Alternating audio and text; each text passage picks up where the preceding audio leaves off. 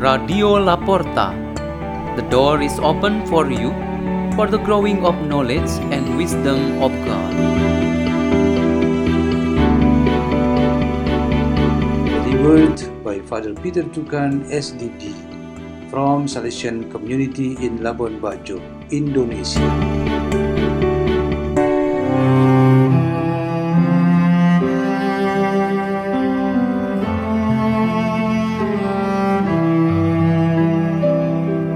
Reading and meditation on the Word of God on Monday, a special day of Advent, December 23rd, 2021.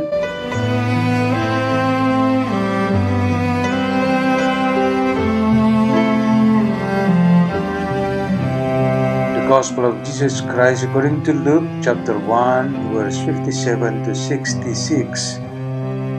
When the time arrived for Elizabeth to have her child, she gave birth to a son. Her neighbors and relatives heard that the Lord had shown his great mercy toward her, and they rejoiced with her. When they came on the eighth day to circumcise the child, they were going to call him Zechariah after his father. But his mother said in reply, No, he will be called John. But they answered her, There is no one among your relatives who has this name. So they made signs, asking his father what he wished him to be called. He asked for a tablet and wrote, John is his name. And all were amazed. Immediately his mouth was opened, his tongue freed, and he spoke, blessing God. Then fear came upon all their neighbors, and all these matters were discussed throughout the hill country of Judea. All who heard these things took them to heart, saying, What then will this child be? For surely the hand of the Lord was with him.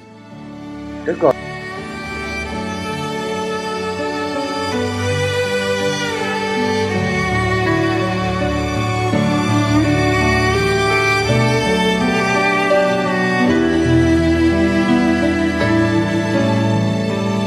Meditation today has the theme Birth Preparation. Now it's already before our eyes the birthday of Jesus Christ. Our best preparation should be a birth preparation. Our meditations of the past days have led us to the door of this birth, where particularly today we meet the birth of John the Baptist, who prepares the way for the next birth that is far greater than his own birth. Maybe the two babies who had met in their mother's womb during the occasion of the Virgin Mary met Elizabeth could give a sign. John was born earlier and it gave an announcement to the whole world that the birth of the Messiah would soon to follow. The scriptures clearly tell that their birth was one followed the other.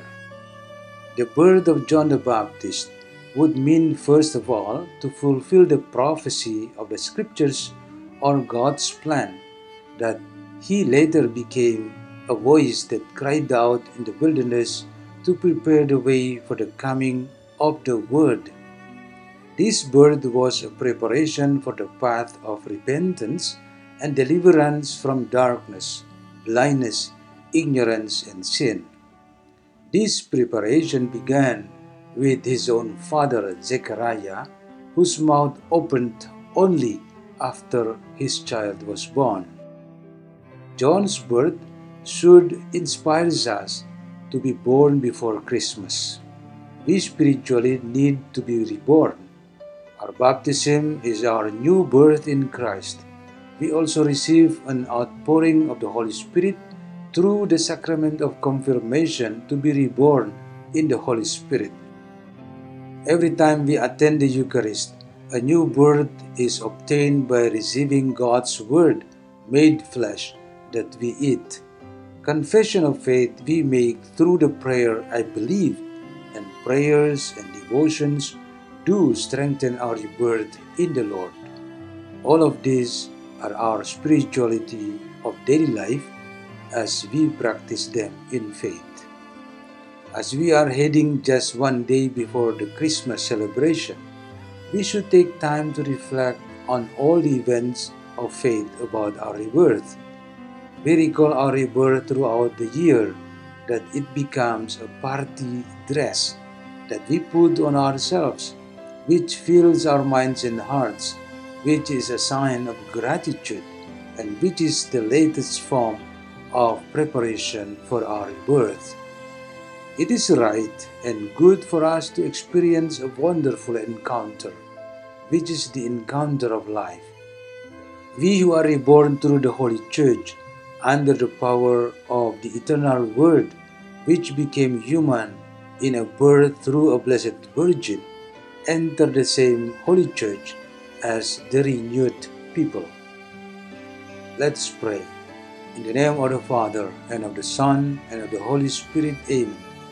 O God of mercy, renew ourselves in your Spirit, so that we may be reborn as new people to welcome the birth of Jesus Christ, the Savior of the world. Hail Mary, full of grace, the Lord is with you. Blessed are you among women, and blessed is the fruit of your womb, Jesus. Holy Mary, Mother of God, pray for us sinners, now and at the hour of our death. Amen. In the name of the Father, and of the Son, and of the Holy Spirit. Amen. Radio La Porta. The door is open for you.